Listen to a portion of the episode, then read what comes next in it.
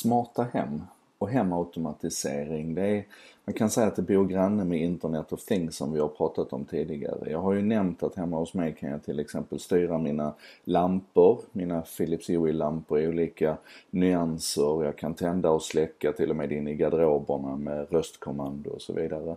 Eh, jag har möjlighet att fjärrstyra musiken. Jag kan tala om via min min eh, Google Home, min Google-burk som står där som jag kan prata med så kan jag se till att det senaste avsnittet av House of Cards börjar spela på min TV.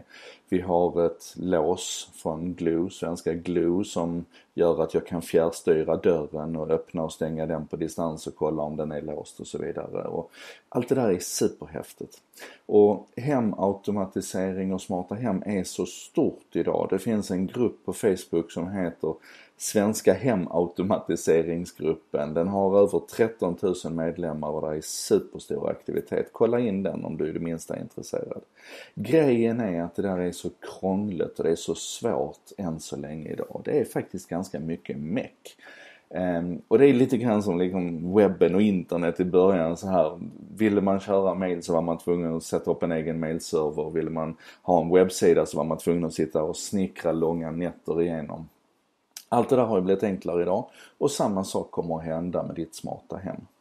Ehm, jag tror att en av driv, de starka drivkrafterna här det är ju att Apple flyttar in på det här området och det gjorde man för ganska länge sedan. Man har någonting som man kallar för Apple HomeKit.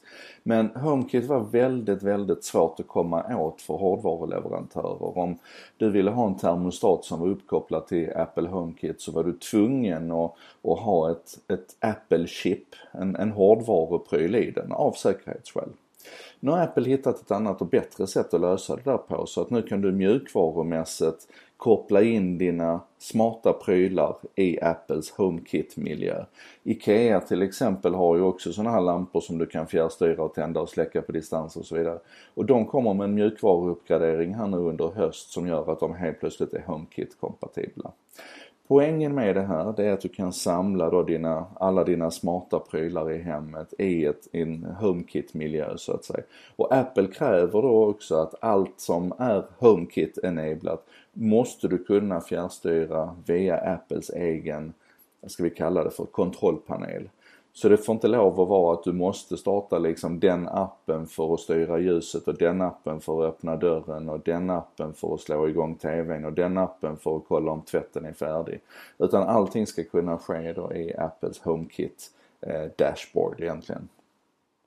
Och det här, är, det här är spännande, det här är stort och det här är saker som händer nu och företag som sagt som IKEA de, de ansluter nu till den här miljön.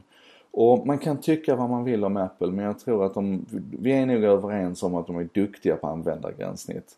Och när de nu då liksom ser till att kickstarta det här lite grann genom att öppna upp sin miljö och dessutom släpper en egen sån här eh, Eh, Amazon Echo eller Google Home. Det kommer ju en, en Apple HomePod här under hösten som, som är en, en högtalare som står och lyssnar i rummet och, och du kan prata med den i rummet. Alltså, de, de flyttar in på detta området nu.